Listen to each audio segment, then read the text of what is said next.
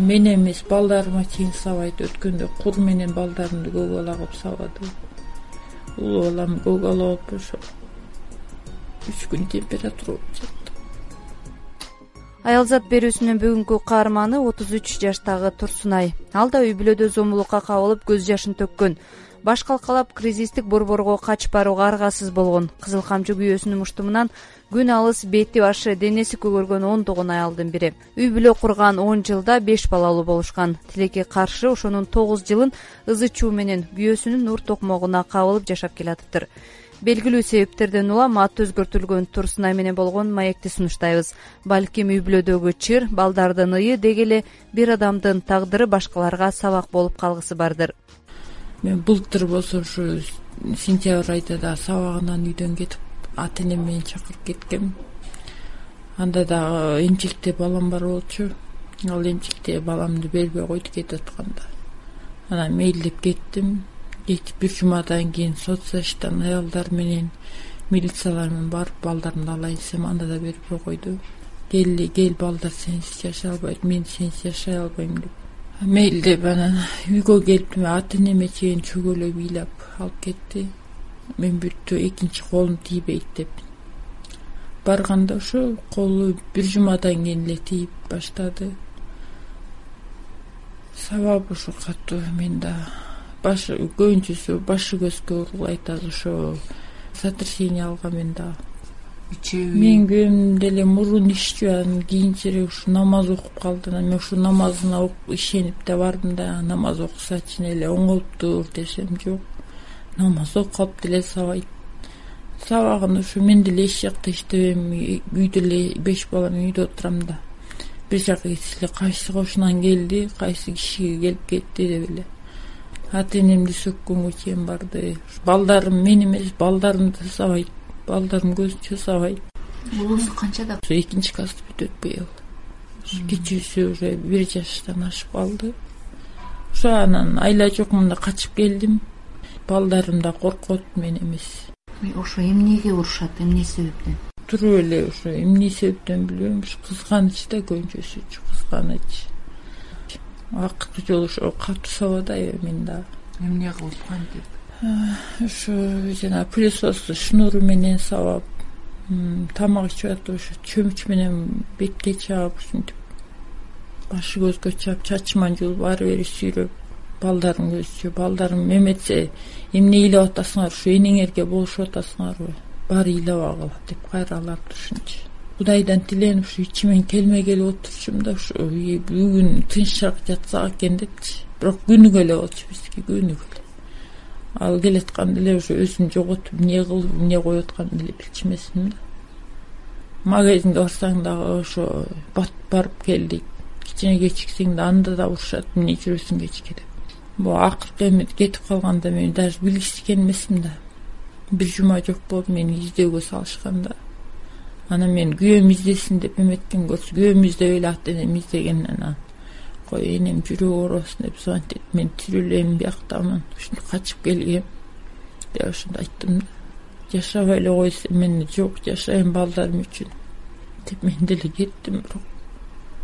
Балдар үчүн десең өзүң корбоп эткенсиң мени жерге отур деп алып анан ошо буту менен тепкилеп башы көзүмө ургулап чачыман жулуп ушинтип эмеси сабайт да психологиясын да бузду балдардын депчи өткөндө ошо кошунама звонить этип эметсем улуу баламдын класс жетекчиси жолугуп калыптыр. Ушинтип баласы эмеге детский психологко көргөзсүн деп айтайын дедим эле. Ушундай ызы чуу болгондо эки кулагын жаап алып мага тиги тынчтык бергиле акырын кылачы деп кыйкырып ыйлайт дейт баламчы ошо мен эмес балдарыма чейин сабайт өткөндө кур менен балдарымды көк ала кылып сабады. Улуу балам көк ала болуп ошо үч күн температура болуп жатты. Кызыңыз канчада? Кызым быйыл биринчи класска барат алар эмнеге жардам бере албай калдыңыз ошо тиги жардам берейин десем мени да сабайт анан ошо бирдеке болсоң эле болушпа деп ушинте берет да сенин ишиң болбосо мен балдарым менен кандай эме кылам? Кыздарымды уят сөздөр менен сөгөт турсунай буга чейин да балдарын таштап качып кеткенге аргасыз болгон. Мен просто жакшы көрчүмүн да анан ошого дагы чыдап жүрө бердим да. Если жакшы көрбөсөм давно эле биринчи балам деле кетип калмак болушум керек. Жакшы көрүп анан өзгөрөт деп өзгөрөт деп ойлодум да анан бирок өзгөргөн жок кайра эле ушул дагы эле жакшы көрөсүзбү мен азыр бүттү жакшы көрбөйм азыр уже мен кантип кечинде жатканда деле аны уктатып коюп акырын жанына алып жатчумун ошо төшөгүн даже ачкым келчү эмес да.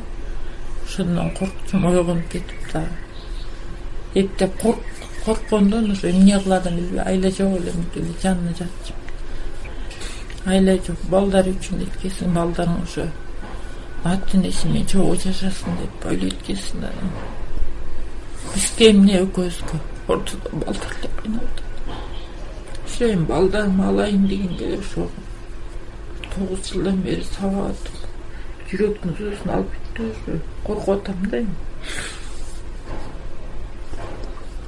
Күйөөң канча уруп эметкен сайын чыдатпай ургандарда эле уже денеңе ойме болуп калат экен да оюнчук катары эле болуп калат сезбей калат экенсиң эчтекеничи мисалы мен деле тогуз жылдан эле сабап келатат башында мен деле сабаса ыйлап ушунчумун азыр сабаган күндө деле ыйлап деле эметпейм даже жаш чыкпайт. Урса деле отура берем мындай эметип кризистик борборлорго убактылуу баш калкалап баргандардын көбү күйөөлөрүнө кайтып барышат. Аялзат түрмөгүнүн өткөн берүүлөрүндө сөз кылган нурипа аттуу келин да балдары үчүн күйөөсүнө кайтып барганын сезим кризистик борбордон кабарлашты.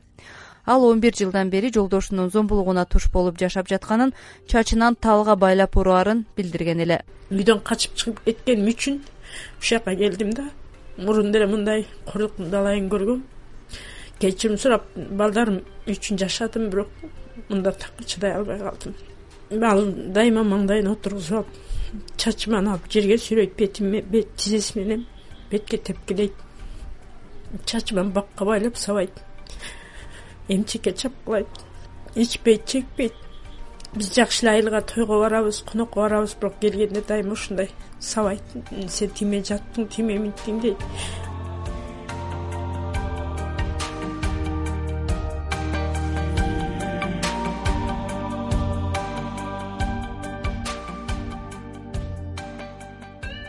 сиздер аялзат берүүсүн угуп атасыздар микрофондо мен канымгүл элкеева.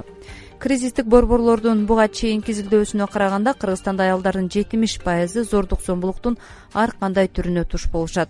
Көп аялдар уруш талаш кызганычтан чыгаарын айтышат. Кызганыч оорубу же айрымдар белгилеп жүргөндөй сүйүүдөн келип чыккан көрүнүшпү үй бүлөдөгү уруш талаштан ким көбүрөөк жабыркайт? Психолог самат алканов менен маекти сунуштайбыз. Тереңирээк алып баштаганда мисалы алалы да ар кандай адамдардычы кээ үйлөнүп эле сонун эле кызганбай эле кызганыч жок эле жашап башташат а кээ бир адамдар как ошондой кызганычка батып кетишет да. Ушу психологдордун көбүнчөсүнүн ою боюнча ар бир адам өзүнүн мындай родовой программалары бар да семейный программалары бар. Ошолор боюнча жашашат мисалы биздин ата энелерибиз определенный проблемаларды жашашкан да кыйынчылыктарды өткөрүшкөн. Мисалы бири бирине кызганып жүрүп өтүшкөн да. Кичинекей кезибизде биз ошо ата энебизден көрөбүз бири бирине кызганып атканын бири бирине кандай мамиле кылып атканын.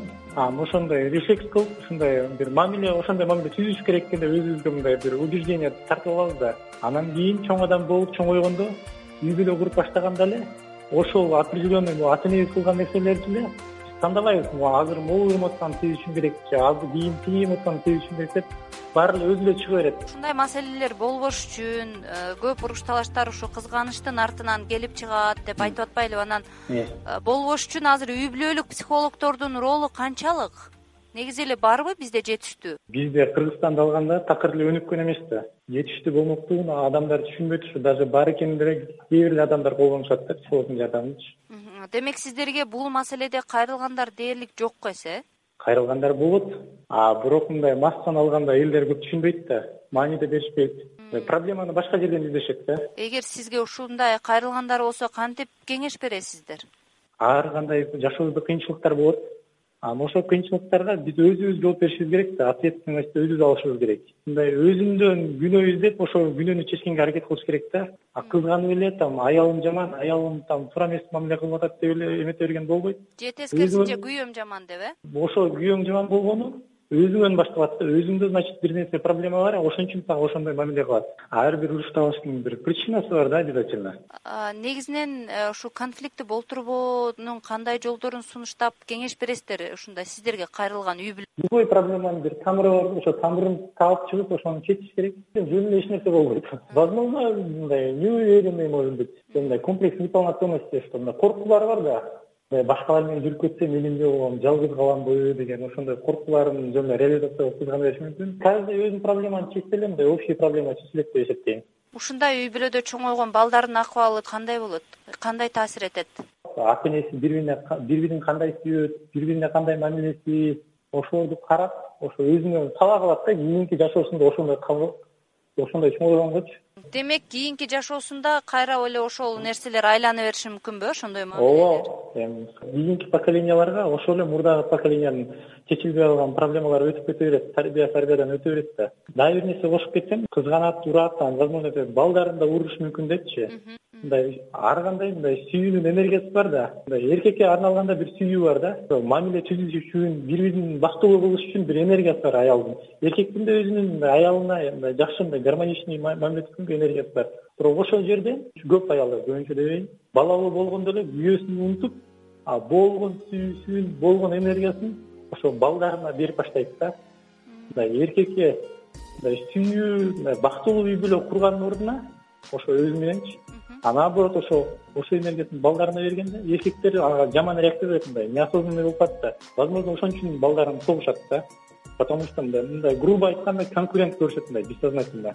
Даже көп ата энелерден сурасаң эмнеге согосуң десең кээ бирөө айтат а сокпойм дачы соктумбу деп өзүлөрү таң калышат да на автомате боло берет ошондой мамилени мурдагыдай мамилени күтөт турбайбы баары бир э? Айтса айтпаса деле ошон үчүн ошо башынан жоопкерчилик алганды үйрөнүп мындай өзүңдүн проблемаларыңды чечкенди үйрөнүш керек да.